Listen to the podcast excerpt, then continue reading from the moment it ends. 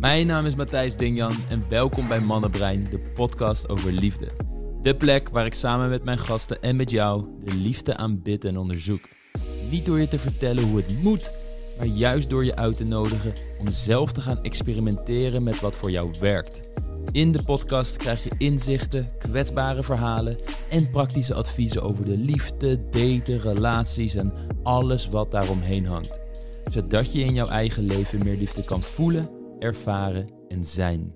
Enjoy. We hebben nu begonnen met de podcast waarin we de vraag behandelen: waar vind je nou nog een goede partner, een leuke man, een fijne kerel? Want we krijgen heel veel verhalen bij ons van dames die zeggen: ja, volg je al een hele post. Ik vind het heel leuk wat jullie doen. Maar ik vind maar geen leuke man. Kelly, jij uh, sprak ook al uit dat je zoiets had van... ja, ik krijg die vraag vaak bij me. Dus het is tijd om daar eens een podcast over op te nemen. Vertel, hoe zie jij die vraag? Wat, uh, om hem maar zo in te steken dat jij dat wat meer context mag schetsen. Wat is, wat is jouw blik erop? Ik vind het sowieso een hele interessante vraag. Want eigenlijk kan je overal leuke mannen ontmoeten. Maar het is maar net hoe je in het, uh, in het daten staat. En um, voor jezelf in staat bent om ook um, ja, hoe, hoe je vaardig bent in de huidige datecultuur. Mm -hmm. Omdat um, je komt mensen op straat tegen, je komt ze in de winkel tegen, je komt ze op je sportschool tegen, je komt op werk tegen. Je hoeft niet per se op een dating site te gaan of uit te gaan om man te ontmoeten. En dan ik, denk, denk dat, misschien... ik denk dat dat al voor, ja, voor zoveel mensen gewoon zo'n, hoe noem je dat? Uh, switch is van hun realiteit, om het zo maar te zeggen. Dat gewoon zoveel mensen denken van, oh ja, een leuke man, oké, okay, ja, je hebt inderdaad heel veel dating apps en heel veel uh, dating sites.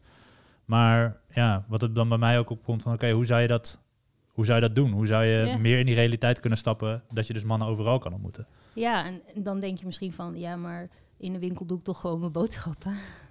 Hè, daar ben ik toch niet om een man te ontmoeten? Nee, zeker niet. Maar als jij in de winkel uh, loopt en je ziet een leuke man, uh, zou je daar best een praatje mee kunnen maken. En dat betekent niet dat hij achter van de winkel naar hem toe moet stormen om te overvallen.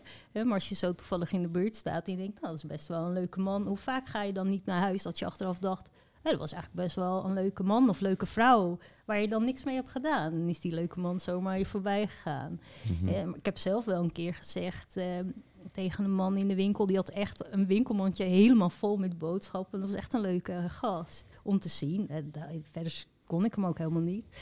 En toen zei ik gewoon tegen hem van... Uh, zo, uh, uh, dat ziet er allemaal lekker uit. Ga je het allemaal alleen opeten? En toen moest hij lachen. Maar ja, uiteindelijk ging hij dat dus voor zijn vriendin. Uh, ging hij lekker koken voor zijn vriendin. Maar ja. het was gewoon oké okay om hem zo aan te spreken. Het was leuk. En als ik hem nu zie in de winkel, dan moet hij ook gewoon lachen. Het is zo van, ja. mm-hmm. Dus die benadering is oké. Okay, maar heel vaak, vrouwen doen dat niet. We zijn vaak... Um, hè, en dan spreek ik ook zeker vanuit mezelf als ik uitging, um, dan, ja, dan flirte je wel een beetje. Dan keek je, maar dan keek je alweer snel weg. En dan denk je, oh, hij heeft het gezien dat ik naar hem keek. Ik moet niet opvallen dat ik hem misschien leuk vind. Ik moet niet te veel flirten. En die man moet vooral mij benaderen. Dus uh, ja, ik denk dat, uh, dat je daar wel uh, zelf meer actie in mag ondernemen. En dat we dat, dat kunnen leren. En dat is dus een datevaardigheid. Ja. Mm-hmm.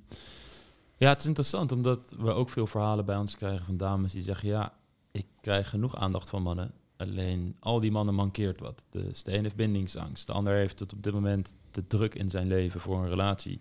De ander die komt net uit een relatie en die zegt dat hij zich daardoor eventjes niet wil binden. En naarmate ik ouder word, lijkt de pool met geschikte mannen die emotioneel volwassen genoeg zijn om een liefdevolle relatie aan te gaan. En die ook op een punt in hun leven zijn dat ze klaar zijn voor een relatie. Dus niet, ze komen niet net uit een, uit een heel lang huwelijk. Ze willen niet nog uh, hele grote stappen zetten in, in, hun carrière, waardoor ze gewoon geen tijd hebben voor een relatie. Nee, ze zijn echt klaar. Ze weten wat ze willen. Ze kunnen emotioneel ook aan. Ja, die kom ik gewoon niet tegen. Wat, wat is jullie kijk daarop? Ja, ik ben natuurlijk ook geen twintiger meer. Ik ben 45. Oh, nee, Oké, okay. is, is, dat een nieuwtje voor ons en voor, voor de luisteraars? Ja, het is voor de luisteraars. uh, we hebben natuurlijk afgesproken dat we niet over mijn leeftijd zouden praten. Maar uh, nee, voor, voor dit onderwerp... Zal niemand vertellen dat je 25 bent. nee. nee, voor dit onderwerp dan uh, mag, die, mag ik hem wel eventjes noemen zo. Want ik heb dat zelf ook wel ervaren. Dat ik dacht van, hé, hey, ik heb zelf ook wel het een en ander meegemaakt. En maar ik weet hoe ik daarmee om moet gaan. Het is niet dat ik perfect ben, maar er zijn heel veel mensen die natuurlijk heel op latere leeftijd uh, draag je meer bij. Je hebt meer ervaringen opgedaan. Het zijn niet altijd positieve ervaringen. En ook mensen die dan uh, weer single raken in, in op een dertigste of veertigste hebben, nemen pijn mee uit een vorige relatie. Ja, die mensen die, die zijn er. Dat is de levenservaring die je hebt opgedaan. De een kan daar heel goed mee omgaan door uh, voor zichzelf daarin zorgen. En ook weer het echte relatie ready zijn en een connectie aangaan. Maar er zijn zeker mensen die na de ervaring hebben opgedaan, die dat niet kunnen kanaliseren en niet voor zichzelf in kunnen zorgen. En eigenlijk tijdens het daten erachter komen dat ze niet toe zijn aan een relatie of niet um, relatievaardig zijn, niet weten hoe die liefdevolle relatie tot stand komt. Uh, dat kan vervelend zijn, omdat je um, in, natuurlijk in een filterproces komt met iemand. Um, waar je ook gaat kijken. Uh, het is altijd af aankijken of je match bent daarin of niet. En het is natuurlijk vervelend als je iemand treft die zelf daar niet klaar voor is of niet heeft losgelaten aan uh, oude pijn uit vorige relaties. Dus echt een rugzakje meedraagt. Um, maar dat blijft altijd een risico in de liefde, want je weet nooit gelijk of je de juiste persoon voor je hebt. Maar wat je wel hebt, is dat je verantwoordelijk kan zijn van hoe je er zelf in staat. Uh, daarin. En er is een manier om een bepaald, er is een bepaald tempo dat je kan aangaan in het daten. Er is zoiets als een gezond tempo, een, een, een ja, meest succesvol tempo. Dus niet te hard, niet el opeens elke dag afspreken. Of iemand maar één keer in de zoveel tijd zien dat je niet tot elkaar kan groeien. Maar goed, dat is een stukje vaardigheid. Maar daarin kan je dus van tevoren kan je al best wel polsen bij iemand hoe die erin staat. En door zelf op een juiste manier in te staan of iemand ook geschikt is voor jou en daarbij aansluit. En vooral dan, als je dat vaardig bent, te kunnen genieten van dat proces. Ja, nou dat een belangrijk is, omdat als jij de hele tijd dat soort situaties aantrekt, dan ben jij de constante factor in al die situaties, in al die relaties, bij al die mannen. En vaak als ik dan ga kijken naar, oké, hoe zat de specifieke dynamiek tussen jou en die man dan in elkaar? Nou, dan kom je bijvoorbeeld een verhaal wat ik laatst hoorde van een vrouw die uh, uit een gezin kwam waarbij vader uh, best wel veel problemen had en er heel veel ruzie was. Uh, vader raakte verslaafd. Eh, moeder pleasde heel erg om de sfeer maar goed te houden thuis. En deze dame zelf, uh, op vrij jonge leeftijd, tegen haar moeder zei van... ja, mam, ik denk echt dat het beter is als je bij papa weggaat. En die moeder heeft daarnaar geluisterd zelfs, waardoor ze dus eigenlijk een beetje op de plek van de volwassenen ging zitten, als, uh, echt als, als begin, uh, ja, ze was rond de twaalf. Dat is de, het fundament van haar liefdesblauwdruk, dus de relatie tussen haar ouders waarin er allerlei dingen gebeurden die vrij ongezond waren.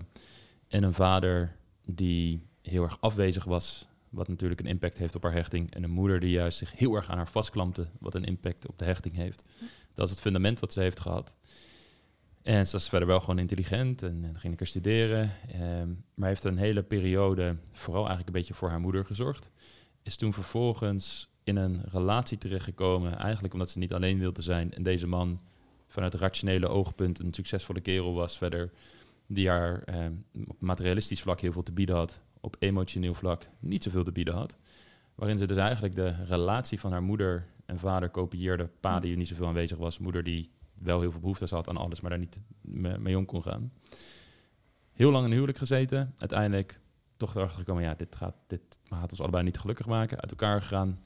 En trok vervolgens een man aan die haar 2,5 jaar lang aan het lijntje heeft gehouden. Zoals ze dat dan zelf nu als inzicht heeft. Ehm, maar waar ik van zag, ja, maar je hebt dat lijntje zelf heel erg, erg vastgepakt en ook vastgehouden. Je bent net zo hard in die dynamiek meegegaan door bijvoorbeeld de hele tijd naar zijn huis te gaan en hem amper te vragen of hij naar jouw huis komt of wel hem vragen, maar als hij het niet doet, daar altijd maar genoegen mee te nemen, dus geen grenzen te stellen.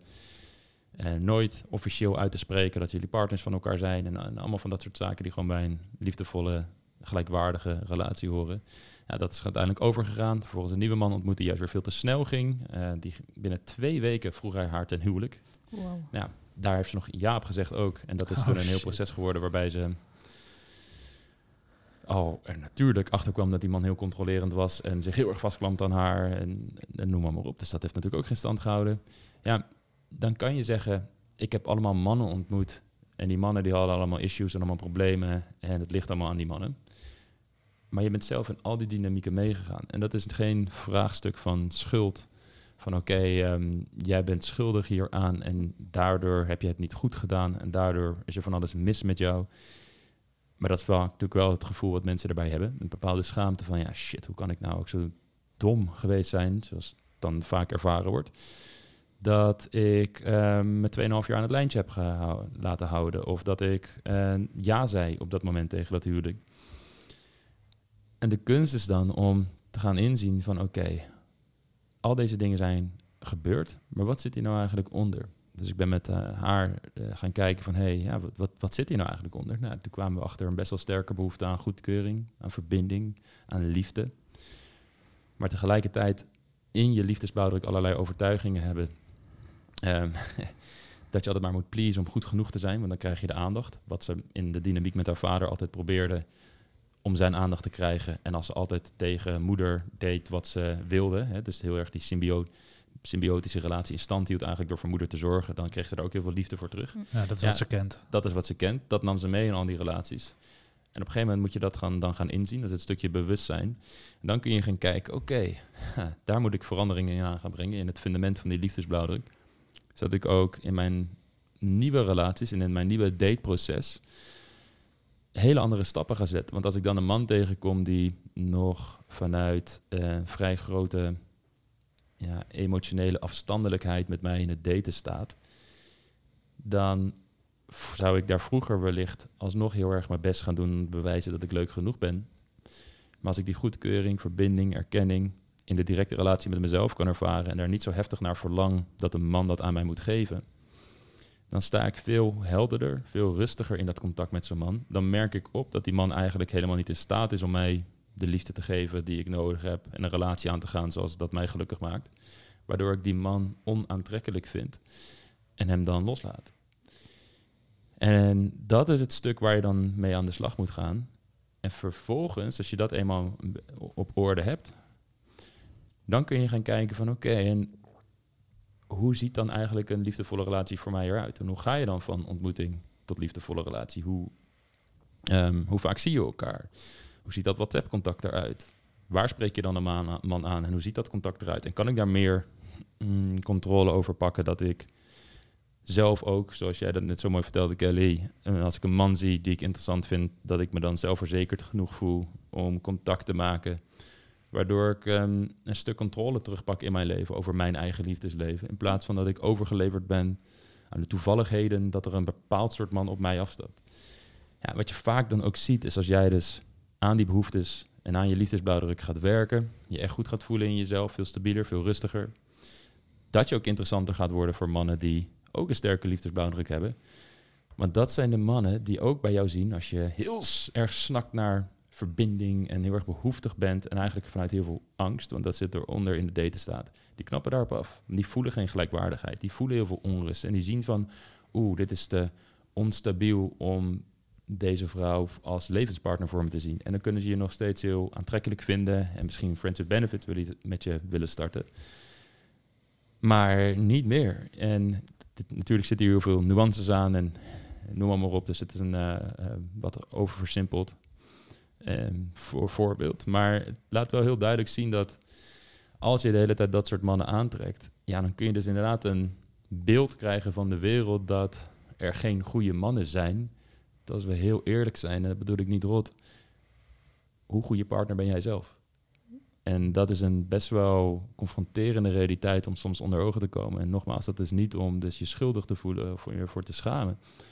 Maar je wilt wel vanuit een bepaalde volwassenheid naar jezelf kunnen kijken en zien van oké, hoe sta ik nou eigenlijk in de liefde? Wat gaat er allemaal binnen mij om? Want pas als je dat kunt gaan erkennen en bewust wordt van al die patronen, kun je er ook echt wat aan gaan veranderen. En dan is er heel veel mogelijk. Ja, om, uh, en, en daarin, daarin is het dus ook eigenlijk een, een bevrijdende realisatie. Want ik kan me voorstellen dat, nou, stel je hoort dit en je hebt veel ervaringen meegemaakt met mannen die dus nou, bijvoorbeeld niet te vertrouwen zijn of uiteindelijk uh, toch opeens geen antwoord meer geven, of op, opeens een hele andere agenda uh, bleken te hebben. Dat je misschien zo'n gevoel hebt van ja, maar hallo, het ligt toch wel echt degelijk aan die mannen. Mhm. Terwijl als het echt alleen maar aan die mannen zou liggen, dat zou heel dat zou een hele lastige situatie worden, want dan is er ook echt helemaal niks meer aan te doen. Dan, weet je, dan kan je ook niet veel verder, want je, de oorzaak van het probleem ligt alleen maar extern. Ja. Terwijl als jij zelf er een verantwoordelijkheid voor kan nemen, dan opeens ligt het ook meer in je eigen hand. En ik denk dat dat, dat is ook iets wat ik bij de coaching ook altijd uh, nou, aan mensen probeer mee te geven. Van hé, hey, uh, ja, zie hier ook de bevrijding in, juist. In plaats van dat het alleen maar hard werken is van, oh, ik moet weer werken aan mezelf. Nee, het is ook juist iets wat je jezelf gunt. Want dan blijf jij ook in controle hierover. In plaats van dat je uitgeleverd wordt aan alleen maar externe factoren. Ja. Dat is wel een belangrijk punt, omdat dat werken. Op het moment dat iemand tegen mij vertelt, ik vind daten en zo eigenlijk echt niet leuk, ik heb er heel veel weerstand tegen, dan hm. weet je al dat er heel veel associaties met het daten zijn, heel veel emoties en onverwerkte dingen uit het verleden, die allemaal meegenomen worden in dat daten. En eigenlijk is het juist hartstikke leuk om iemand te ontmoeten en je open te kunnen stellen, een verbinding aan te gaan en noem maar op. Maar dan moet je jezelf daarin kunnen dragen, een sterke liefdesbouwdruk hebben, al die negatieve shit uit het verleden hebben losgelaten en verwerkt hebben. En dan voel je opeens de rust om vanuit daar ook plezier te hebben. Ja. En dat is altijd wat wanneer mensen dat tegen mij vertellen. Dat is een van de vragen ook die ik vaak heb van hey, hoe kijk je naar daten? Wat voel je erbij? En als het heel erg op angst gebaseerd is voor wat er allemaal kan gaan gebeuren, ja, dan is dat ook meestal wat je gaat aantrekken. Mannen die op hun eigen manier met allerlei angsten zitten. Ja, maar ook het beeld wat er voortkomt uit online dating, dat er geen leuke mannen zijn. Ik vraag ook mhm. altijd aan uh, cliënt van waar, uit welke pool date je? Om het gewoon, is het online of is het mensen die je in real life ontmoet? Want uh, als je swipet, uh, dan zie je elk gezicht voor je, elk persoon. daarin die jij, ja, heel veel zal je niet leuk vinden. Ga maar eens over straat lopen en daar soort van swipen. Iedereen die mhm. je tegenkomt. Ja. Want dan valt alleen die leuke uh, gastje op. Maar via online dating ben je echt bewust aan het kijken van... Uh, is dat iemand waar ik mee wil afspreken? Is dat een leuk persoon? Hoe voelt dit aan? Ja, en er zijn natuurlijk heel veel types die niet bij jou aansluiten. Alleen in de oppervlakkige aantrekking dan al natuurlijk. Dus dat is ook een heel ander beeld wat je daarbij krijgt. En dan zegt ze, ja, maar zijn, veel zijn mijn type, type niet. Nee, maar als je op straat loopt en om je heen kijkt ook niet. Exact. En dat is ook altijd interessant. Als je eenmaal in een liefdevolle relatie zit, of je hebt ehm, misschien een bevriend stel, vraag eens aan hen: hey, hebben jullie allebei wel eens aan online dating gedaan? Nou, bijna alle gevallen is het antwoord tegenwoordig ja. Ik heb het in ieder geval geprobeerd. Dus oké, twee mensen die echt van elkaar houden en een goede relatie hebben, hebben wellicht allebei op online dating gezeten. Wat dus al inhoudt van oké, er zijn dus blijkbaar ook daar goede mensen te vinden. En dan kun je nog zeggen, ja, maar ik weet niet of ik hem naar rechts had geswiped als we elkaar op online dating hadden ontmoet. Want zijn foto's zouden bijvoorbeeld niet helemaal zijn. Ja, oké. Sure, maar het zou ook kunnen zijn dat je naast hem in de, in de kroeg stond en had een slechte dag. En hij zou op dat moment even een andere energie uitstralen. Waardoor je hem niet uh, aantrekkelijk had gevonden in dat moment. Dus, dus die ruis zit er in het dagelijks leven ook. Maar er zijn ook zat mannen die je misschien wel naar rechts had geswiped. Die ook in het echte leven had leuk had gevonden als je ze daar had ontmoet. Dus het is ook een beetje van ja, blijf je focussen op alle soorten excuses en dingetjes die je maar kunt hebben om te zeggen nee, het is echt onmogelijk, want mij lukt het niet. Of pak je het echt aan van oké, hey, wat kan ik in ieder geval doen om hierin te groeien? Want een van de dingen die je met online dating wel kan doen, is als jij heel anders leert te communiceren in je WhatsApp-berichten, en wij analyseren altijd, uh, niet een WhatsApp-berichten bedoel ik, maar de online dating-berichten die je uitwisselt. Ja, als je zelf ook heel erg vanuit angst in dat online dating-gesprekje staat, of heel saai berichtjes uitwisselt, ja, dan ga je ook nooit ontdekken of je een echte leuke klik met iemand hebt. Als jij alleen maar hebt over hoeveel kinderen die persoon heeft, wat voor werk je doet, waar je woont, eh, hoe, hey, hoe was je dag? Ja, het is oké om dat soort berichtjes af en toe uit te wisselen als je ook maar fun hebt, plezier hebt en, en jezelf echt op een authentieke manier te durven te laten zien in zo'n contact. En als je dat doet, dan ga je merken dat je die kanten van zo'n man ook naar boven gaat halen. En dat je dan echt gaat zien van oké, past deze persoon bij mij? De ja, nee. Waardoor je eh, wel degelijk ook via online dating al kunt ervaren of iemand echt goed bij je past. Waardoor het percentage van de mannen met wie je op date gaat, met wie je ook echt een goede klik gaat hebben en het echt flink gaat toenemen. Want het filterproces wordt daardoor sterker. Ja, je, je zal misschien wat minder daten, wat minder vaak, maar wel kwalitatief betere dates hebben. Ja, want ik denk ook dat het heel realistisch is als je tien matches hebt, dat drie überhaupt geen bericht sturen. Dus het zijn al een soort loze matches. Zeg maar, als je, stel jij stuurt alle tien een, een, een bericht, mhm. drie gaan niet eens reageren. Zou zomaar kunnen. Heb je er misschien twee die wel reageren en je wisselt wat berichtjes uit, maar ja, daar blijft het gewoon bij op een gegeven moment. Dan heb je er nog vijf over. Van die vijf worden het misschien vijf gesprekjes, waarvan je bij drie al merkt, eh, uh, dit is het toch niet helemaal, nee, het is helemaal niet. Heb je er nog twee over? Twee met wie je denkt, ja, dit is wel leuk. Nou, ga je maar wat zet met die twee, waarvan met één het misschien alsnog niks wordt en de ander ga je op date. En dat zou wat, wat kunnen zijn. Ja, als dat hele proces voor jou super veel energie kost, die berichtjes uitwisselen, noem maar op. Er is een bepaald stukje vaardigheid wat je daarin kunt ontwikkelen, wat ik zelf ook heb moeten doen, want ik snapte niks van online dating. Same ehm, here. Ja, tot ik bij, uh, bij een collega van ons zag hoe leuk de gesprekken kunnen zijn en hoe zijn authentieke persoonlijkheid doorstraalde in de berichten die hij uitwisselde. En de energie die hij creëerde in die, WhatsApp, in die online dating gesprekken en WhatsApp gesprekken, was dezelfde energie die ik met hem had als ik gewoon met hem praatte hier, uh, hier op kantoor. Of, uh, en toen dacht ik, oké, blijkbaar is dat dus mogelijk en is dat een stukje vaardigheid. Zelf heel veel mee aan de slag gegaan en nu leren we dat ook aan mannen en vrouwen. Maar dat is het boeiende, want dat, als je dat echt gaat doen, dan wordt uh, online dating niet meer zo'n enorm iets van een sleur en oh, dan moet ik weer gaan vertellen over mijn leven. Nee, je, je, gaat, je hebt letterlijk plezier bij die online datinggesprekken. En soms gaat het helemaal niet eens over wat je doet in het leven, maar heb je allemaal grappige gesprekjes. En dan weet je van oké, als de aantrekkingskracht en de connectie goed genoeg is, en voor de rest is het ook gewoon een normaal fijn, ik zie geen gekke dingen in dit gesprek, is er een grote kans dat we in het echte leven in ieder geval een leuke tijd gaan hebben. En dat is voldoende om een laagdrempelige date te doen, zoals een koffietje, een wandeling. Desnoods ga je eerst over naar WhatsApp. Misschien bel je nog een keer als je dat fijner vindt, zou ook zomaar kunnen. En dan, tijdens die date, kun je gaan merken... oké, hoe staat iemand eigenlijk nog verder in het leven? Wat, wat zijn nou hun passies? Waar, uh, Mhm. wat zijn hun dromen voor de toekomst? Uh, en natuurlijk ook dingen die je dan later, vanaf, meestal vanaf date 3, 4, 5 gaat uitzoeken... van wil iemand kinderen als je dat nog wil... of dat, dat soort belangrijke zaken komen dan naar boven.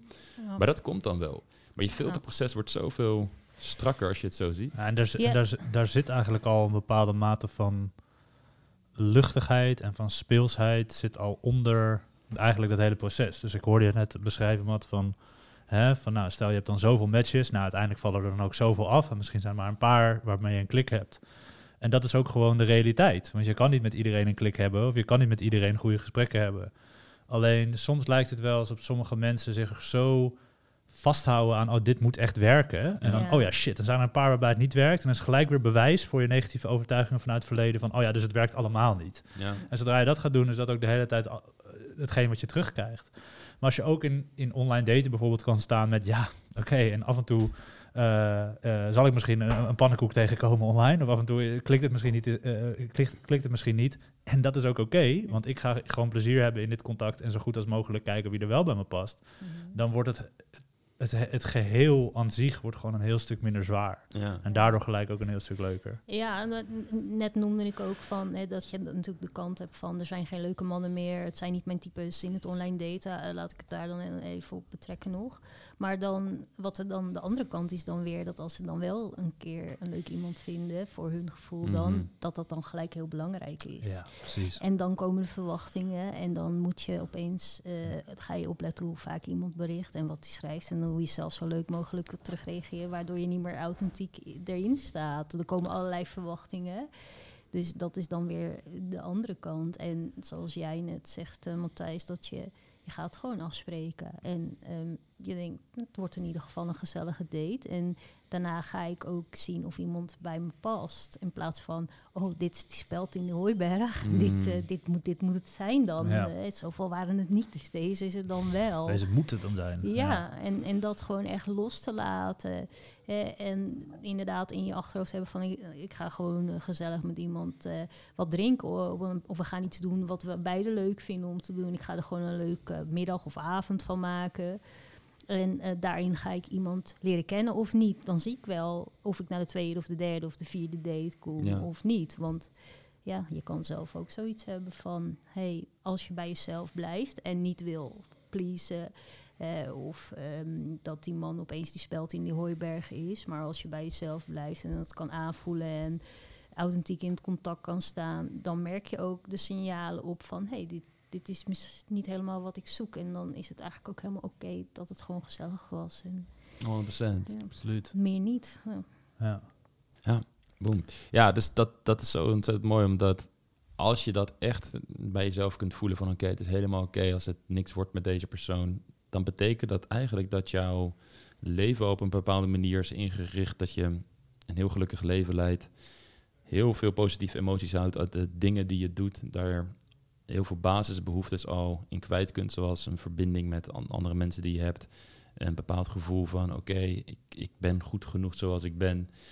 En een bepaald vertrouwen dat je jezelf dusdanig hebt ontwikkeld op liefdesniveau dat je sowieso wel iemand gaat tegenkomen met wie je uiteindelijk echt samen kan zijn. Maar daar is het natuurlijk wel belangrijk voor dat je in ieder geval idealiter een bepaalde positieve ervaring hebt gehad met een man, zodat je weet hoe dat voelt en hoe dat eruit ziet. En als je dat nog nooit hebt meegemaakt, ja, dan is het inderdaad lastig om jezelf dat voor te stellen.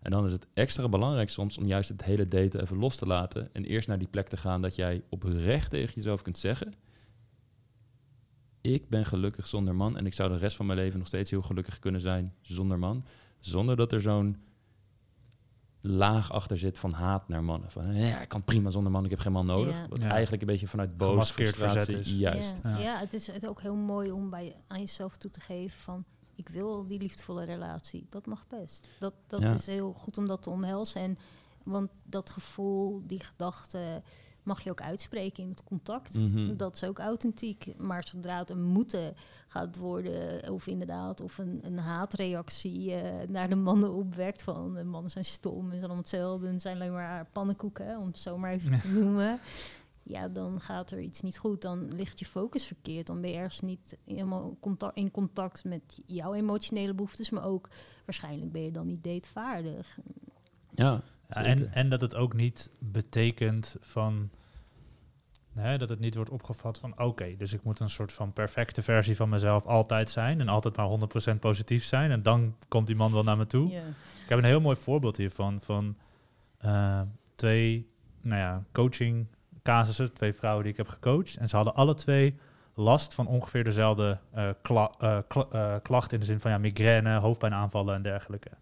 En eentje daarvan die zij zei van ja, van ik merk dat dat mij belemmert in mijn contact met mannen. En bij de ander was het dus niet het geval. En het was zo interessant als je ging kijken naar hun berichtjes.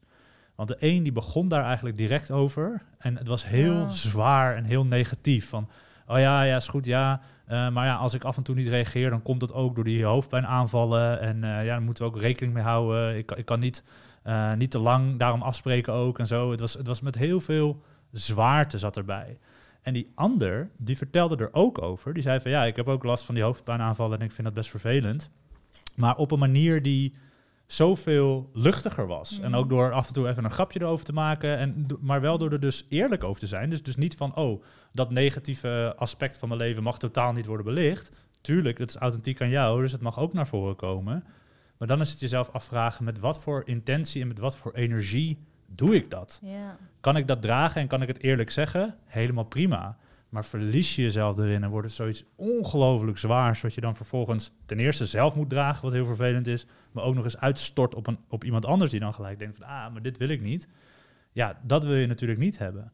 Uh, dus het betekent niet van, ik moet alles wat negatief aan mezelf is, moet ik helemaal verstoppen en ik moet alleen maar een positief plaatje houden. Nee, tuurlijk, als, als er dingen zijn waar jij mee zit, of als er iets is wat jij wilt delen, wat misschien minder leuk is, dat mag altijd. Uh, maar het is belangrijk om jezelf ook aan te leren, oké, maar uh, op wat voor manier doe ik dat? Op wat voor manier breng ik dat? En een hele goede manier om dat te oefenen is ook door bij jezelf ook regelmatig eerlijk in te checken van hey, ja, hoe voel ik me nu in dit contact? Of hoe voel ik me nu als ik dit nu zeg? Of weet je wat, hoe, en, en ook een hele goede graadmeter is als dat bijvoorbeeld bij anderen gebeurt. Van oké, als wanneer krijg ik een positief gevoel bij iemand? En wanneer voel ik dat iemand echt mijn energie zuigt, als het ware? En dan heel eerlijk die spiegel naar jezelf houden van hey, hmm, wanneer, doe, wanneer doe ik deze twee dingen? Dus wanneer breng ik energie op tafel? Wanneer, wanneer geef ik iets? En wanneer ben ik alleen maar aan het nemen? Mm ja. Er zit wel een stuk in ehm, voor die persoon die die zwaarte meebracht in de communicatie. Mm, ik ben dan zo heel, erg benieuwd naar, oké, hoe kijkt ze daar zelf naar? Weet je, wat zijn haar overtuigingen daarover? Uh, want er is natuurlijk iets van, oké, je wilt wellicht inderdaad een partner vinden die je daar helemaal in accepteert en, en noem maar op. Maar er zit waarschijnlijk een soort angst achter bij haar dat die partner dat niet gaat doen, of dat er geen begrip op komt, of dat zijn man daarmee afschrikt. En dan gaat ze in die angst, dus vanuit die emotie in dat contact staan en vanuit die emotie spreken en typen. Terwijl het inderdaad niet per se om die migraine gaat, maar veel meer om, oké, die angst die heel de laag van zwaarte eroverheen brengt. Wat kan ik daarmee? En er zit een stukje overtuigingverandering in, een stukje gedachteverandering. Dus dat ze het echt anders gaat zien. Maar er zit ook een stuk emotionele regulatie in dat ze die angst daarin los kan laten. Waardoor er veel meer ruimte ontstaat omtrent het hele onderwerp migraine, hoe en wat voor plekje dat heeft in haar leven. Zodat ze dan ook die luchtigheid en speelsheid mee kan brengen. En op een moment, stel je bezit in een relatie met de man en het speelt op, dat je dan ook wel kan aangeven, oké, ik heb dit nu wel nodig. Of op deze manier kan ik er het beste mee omgaan en ik wil je vragen X. Zodat je dan echt een team kunt vormen en je migraine dus niet verstopt of zo voor de ander. Maar hè, van, oh, nee, het valt allemaal wel mee. Dus op het moment dat het doet, wel degelijk om hulp durft te vragen of durft aan te geven dat je iets nodig hebt. En tegelijkertijd die luchtigheid kunt bewaren dat het ook weer niet een verschrikkelijk iets is wat heel serieus genomen moet worden, heel veel pijn bij zit. En dan kom je weer op datgene waar we het vaker over hebben, een stuk dat je in het lege midden kunt zijn om zowel het serieus te nemen, zonder dat je het super serieus erover moet zijn. Wat vaak vanuit een vernauwing en angst komt. En ik denk dat het dat soort momenten altijd een hele goede vraag is om jezelf af te stellen. Wanneer je, om jezelf af te stellen, om jezelf te stellen, is oké, zit ik hier in angst of zit ik hier in vertrouwen? Ben ik hier bezig met allerlei doemscenario's te voorkomen en aan het anticiperen op toekomsten die zich wellicht helemaal niet voordoen? Of heb ik hier een vertrouwen dat dit totaal geen belemmering gaat zijn voor mijn liefdesleven en dat het eigenlijk allemaal wel goed komt? Want ja, waarom zou het niet goed komen? Nee. En, en, en mag het er tegelijkertijd wel zijn? Ja. Mhm. dus het, dus dit, ditzelfde proces kan je doortrekken tot eigenlijk alle emoties die je voelt. Emoties zijn ook helemaal niet slecht. Het is niet dat je niet boos mag zijn of niet verdrietig mag zijn in het contact met een man of in het contact met jezelf. Uh, maar er is daar ook een keuze in van oké, verdwijn ik er helemaal in? Laat ik het me helemaal overnemen? Of erken ik dat het er is en mag het er zijn en voel ik het ook en kan ik het misschien ook wel uitspreken zonder dat het helemaal die controle over, me, uh, over mij neemt? Ja, ja dat, dat wil je ontwikkelen. En eh, dan kom je eigenlijk altijd op het stuk vaardigheid en waardigheid uit. Ja. Wat wel een mooie lijn is in deze podcast van... oké, dit is dus weer dat stuk. Kun je met je emoties één omgaan? Kun je jezelf daarin dragen? Kun je weten hoe een gezonde volwassene zich ontwikkelt? En hoe die met dit soort onderwerpen zou omgaan. Dat is het stukje waardigheid, zou je kunnen dat zeggen. Dat is het stukje waardigheid, ja. En dan ook het stukje vaardigheid van, oké, als je jezelf daarin kunt dragen... en je kunt vanuit dat lege midden kijken naar iets... zonder dat je laat meesleuren door allerlei patronen of heftige emoties. Oké, ehm, hoe ziet het stukje vaardigheid er dan uit van hoe ik mijzelf ontwikkel? Bijvoorbeeld berichtjes die ik uitwissel. Hoe kan ik daar nou voor uh, wat creativiteit zorgen en mijn persoonlijkheid meer tot uiting laten komen door bijvoorbeeld wat meer humor te gebruiken. Ehm, wat meer te plagen, wat meer te flirten. Um, mijn datingprofiel, ook zo typisch iets. Je kunt super waardig zijn en je een hoog mooi zelfbeeld hebben. Maar nog steeds bepaalde dingen doen in je datingprofiel die niet anders slim te zijn. Ja, daar heb ik ook nogal een mooi voorbeeld van uh, uit eigen ervaring. Mm -hmm. uh, daarin, uh, wat, wat een echt een enorm verschil maakt, hoe je jezelf daar profileert. Um, ik wilde nog eventjes terugkomen op het stukje waarin jij aangeeft van um, gehoor geven aan het gedeelte in jezelf waar je misschien niet helemaal uh, in het mee bent in jezelf. Dus de beperkingen, wat voelt als beperking voor jezelf of misschien niet.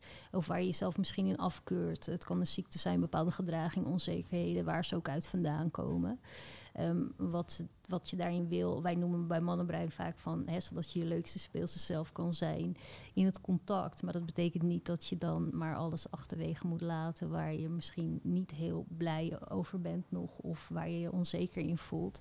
Uh, juist door dat soort aspecten te omhelzen, kan je heel goed in contact komen met jezelf en dat gaan accepteren en dat inderdaad gaan communiceren. Uh, en um, daar zit een heel groot gedeelte in van um, hoe je dat aan kan voelen bij jezelf, is als je datevaardigheid gaat toepassen in het daten, waarvan je denkt, hé, hey, dit is dan een kunstje of zo. En dan mhm. weet je dat het niet vanuit authenticiteit komt, maar je hebt die vaardigheid wel nodig, want je wil ongeveer weten hoe het er dan uitziet. Want als je nooit echt hebt gedate, dan wil je toch ehm, kunnen weten en aanvoelen hoe je een leuk gesprek kan voeren, hoe je jezelf kan laten zien uh, online. Uh, en dan bedoel ik niet via een foto, maar echt in, in de gesprekken daarin. Dus als het voor jou voelt van de tools die je, die je meekrijgt, bijvoorbeeld vanuit mannenbrein of, of anders van ik, ik, ik wil um, mezelf goed laten zien in het daten, betekent niet dat je de kunstjes moet toepassen. Nee, het allermooiste is om authentiek te zijn daarin, waarin je eigen alle, eigenlijk alle verschillende mooie en minder mooie aspecten van jezelf laat zien en niet het een of ander heel zwaar laat wegen wat jou saboteert dan in, in, in de liefde. Want door zo authentiek naar jezelf te zijn, in contact te staan met wie je bent, dat te communiceren, trek je ook de persoon aan die bij jou past. dus het betekent niet dat je een andere persoon moet worden. Het betekent alleen dat je jezelf wil ontwikkelen in hoe, hoe, hoe kijk ik eigenlijk naar mezelf, hoe communiceer ik dat en hoe doe ik dat vooral ook online of in het dagelijks mhm. leven. Hoe stap ik op iemand af of hoe wil ik contact maken met met anderen. Mm, dus en dan als je dat vanuit een gedeelte, dus niet vanuit angst, maar uh, vanuit een fijne plek in jezelf kan, dan zal het ook niet onnatuurlijk voelen of raar of gek of als een kuntje. Ja.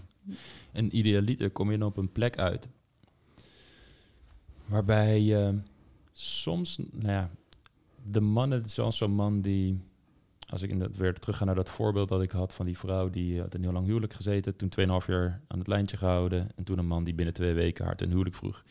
Kijk, als je die mannen kun je nog steeds tegenkomen op online dating apps. Het is niet alsof die mannen opeens compleet weg zijn. Nee.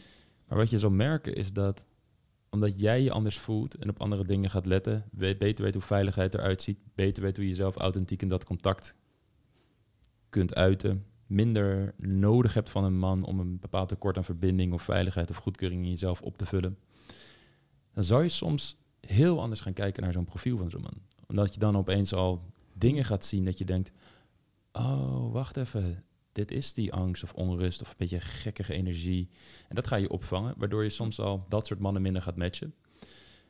Maar er gebeurt nog iets interessants. De mannen met wie je dan, want er glippen er altijd een paar tussen, tussendoor, waar die in ieder geval al wel in staat zijn om um, zichzelf op een bepaalde manier te presenteren.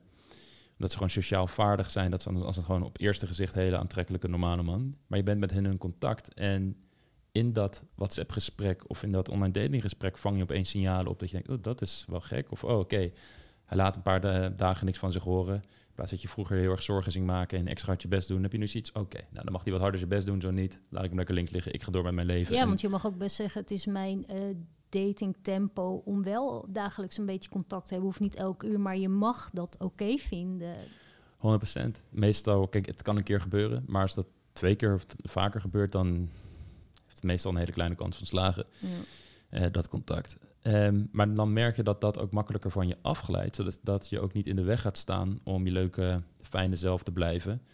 En dat je ook niet gaat beïnvloeden daardoor om andere mannen die wel net zoals jij klaar zijn en het helemaal leuk vinden en echt investeren. Uh, weet je wel, en dan ga je met hun verder. En dan is, gebeurt er misschien iets op dat relatiepad. Dus stel je bent op vier dates geweest en hij had al een reis gepland staan. En hij moet uh, tweeënhalve week weg. In plaats van dat je in de stress schiet van, oh, gaat even aan me denken, blijven we wel in contact. Want ja, straks ontmoet hij daar iemand. Straks ontmoet hij daar iemand. Ja, maar wat nou als hij dan geen berichtje stuurt? Denkt hij dan wel aan me? Moet ik hem... Weet je wel? Nee, dat gaat van je weg, want het zit goed. En nogmaals, je staat niet meer vanuit angst in de daten, maar vanuit vertrouwen. Dus natuurlijk gaat dat goed komen. En je gaat gewoon verder met jouw leuke leven, want je hebt dat ecosysteem gecreëerd van die leuke dingen die je doet. En je hebt opeens een nieuwe workshop ergens gedaan of weet ik veel wat. Dat deel je uit enthousiasme met hem en je laat het weer los. En het kan zijn dat hij dan een dag later reageert. Maar omdat je daar niet van in paniek schiet en dus ook niet meer gaat sturen en het in de hele context van hoe jij met hem bezig bent, hij voelt dat hij zijn best voor jou moet doen, voelt hij ook, oh shit, ik heb er 24 uur niet gereageerd omdat hij, weet ik was misschien op een of andere trip tijdens zijn reis in, in, de bush bush en had geen hij internet. Was op safari. Ja, who knows wat er, wat, wat er aan de hand was. Uh, en dat hij daar dus daarna heel veel investeert weer en weer wat harder zijn best doet. het, het, het, mooie daarin is ook wel dat vrouwen dan gaan afwachten van... oh, hij is op vakantie, ik wil hem niet lastigvallen, laat hem maar gaan. Ik wacht wel totdat hij weer reageert. In plaats van dat je zelf iets leuks hebt meegemaakt, een foto daarvan maakt of zo... en het deelt met iemand. Dat je daar niks van verwacht, maar gewoon jezelf eventjes laat zien omdat je dat leuk vindt om te delen. En niet om van, oh, ik moet nu aandacht hebben of ik ga zitten wachten tot hij reageert dat ik niet tot last ben. Juist. En stel nu dat het dan toch gebeurt dat hij echt amper iets van zich laat horen. Maar echt amper. En hij komt terug en doet het weer helemaal, helemaal leuk. Ja, dan kun je er vanuit gezonde, volwassenen, sterke liefdesbouwelijk een gesprek over hebben. Van hé, hey, ik merkte eigenlijk wel dat je wel echt heel weinig stuurde. Een beetje af, afstandelijk voelde tijdens die vakantie. Uh, ja, ik ben benieuwd hoe jij dat ervaren hebt. En dan zegt hij wel van ja, dat klopt wel. Of hij zegt ja, ik vind dat lastig. En dan kun je daar een heel mooi gesprek over hebben zonder dat iets goed of fout is. Maar je kunt dan jouw wensen daarin aangeven. Hij kan zijn wensen in aangeven soms kan een van de twee dan op iets stuiten bij zichzelf waar je van denkt, ah, bijvoorbeeld hij dat hij denkt van ja, dat is eigenlijk wel zo. Waarom doe ik dat eigenlijk? En weet je wel, dat hij daar een verandering in kan aanbrengen en daardoor kan groeien in de relatie. Maar dat vereist allemaal dat jij dus heel goed weet wie je bent, je die datevaardigheden hebt ontwikkeld, dat je ook gewoon fijn in dat WhatsApp-contact kan staan.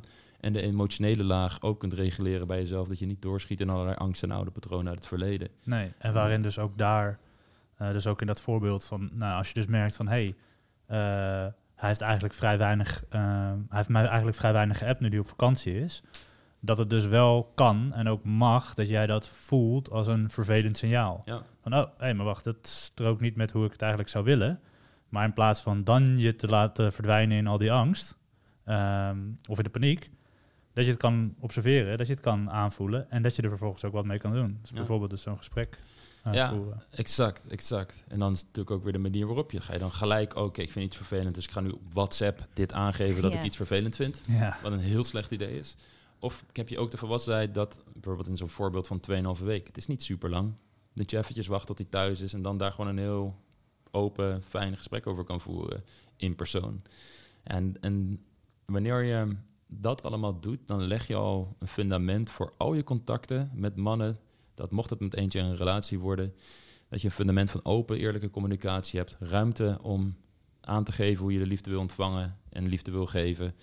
Uh, hier gewoon normale gesprekken over kunt voeren. Er is vertrouwen van beide kanten. Dan bouw je aan al die dingen.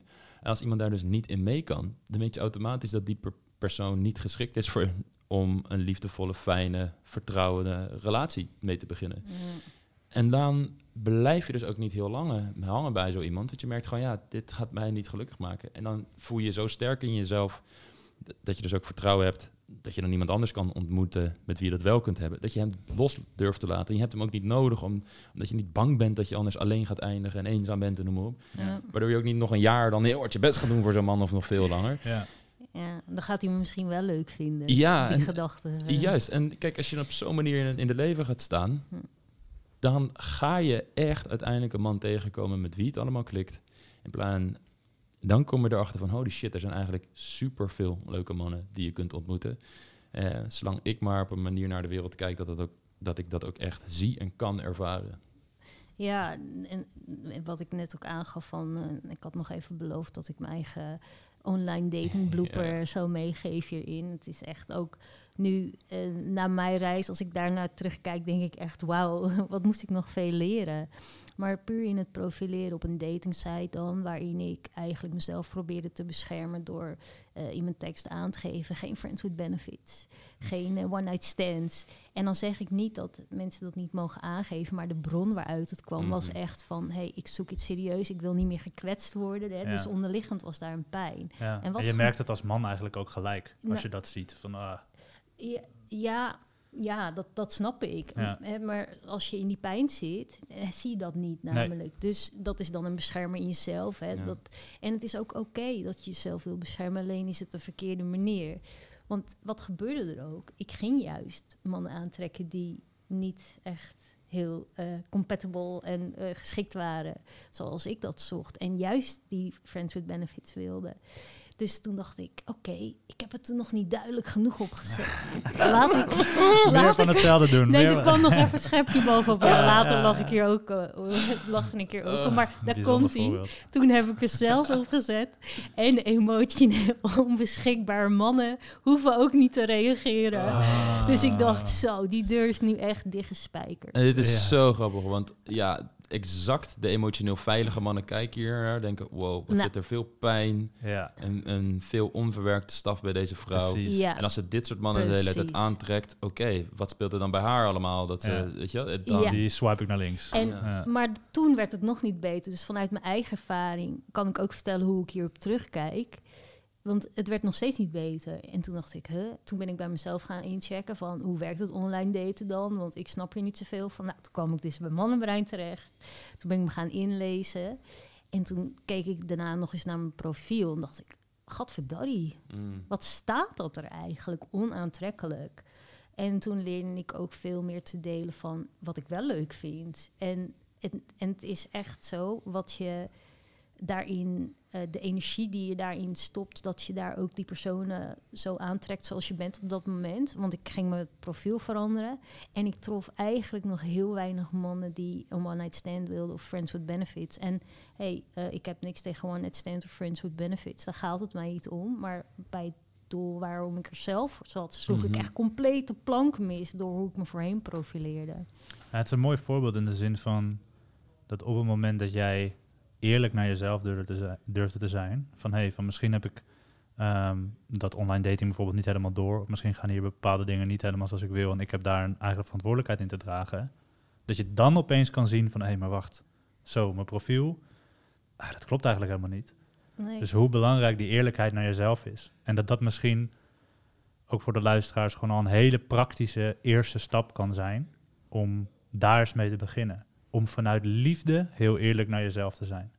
Niet van wat doe ik allemaal fout, want daar gaat het niet om. Maar meer van oké. hoe kan ik dit verbeteren? Hoe kan ik dit verbeteren? En, en, en wat zijn misschien de blind spots die ik nu op dit moment uh, niet zie? Uh, en het is niet voor niets uh, nou ja, dat wij coaches zijn, training aanbieden en dergelijke. Omdat het soms gewoon ook heel fijn kan zijn om daar iemand bij te hebben die je daar een handje bij kan helpen. zeker. En als je dat in jezelf ontwikkelt, werkt het ook de andere kant op. Want zoals jullie zeiden net van een man, hij merkt dat op in zo'n profiel van wow, wat is dit allemaal? Maar er zijn dus ook mannen die zichzelf zo profileren van geen draken. Uh, geen draken? Ja, dat soort teksten staan er dan. Of, uh, geen draken, Matthijs. Nee, ja, ja. ja, echt. No dragons. Of laat je bezem, of neem je de bezemsteel alsjeblieft mee, zo dan kan je wegvliegen als het niks is. Ja, echt, er staan echt nest teksten. Kijk, dat is dan heel duidelijk daar dat je denkt, wauw, deze dude heeft mhm. issues. Maar als je dat in jezelf gaat ontwikkelen van welke pijn dit zit, dat je het los kan laten, uh, uh, datevaardig kan worden, dan ga je ook naar de juiste profielen kijken. Die gaan jou opvallen. En de ongeschikte profielen. En ik zeg niet dat die persoon ongeschikt kan wel zijn. Niet iedereen is uh, datevaardig. Niet iedereen weet hoe zich moet profileren. Dat is ook een groep. Maar je kijkt veel meer naar wat past er wel bij mij. En eigenlijk alles wat er niet toe doet. En dat is, ja, het klinkt misschien een beetje gemeen, maar hè, niet iedereen past bij je. Maar dat swipe je automatisch een kant op waar je daarna helemaal niet meer over nadenkt mhm. eigenlijk. Dus ja, dan is het ook niet de focus op zijn allemaal nare mannen. Nee. nee. Swipe, swipe. Oh, dat is misschien wel leuk. Ja. Het doet je gewoon niet meer zoveel. Nee, het is gewoon oké en chill. En nou, misschien moeten we eens ontmoeten, misschien niet. ja, anders kom ik ergens anders iemand tegen of zo. Ja, dat is oké. Mhm. ja. Mooi. Ik denk dat dat een uh, heel mooi einde is om deze podcast af te ronden.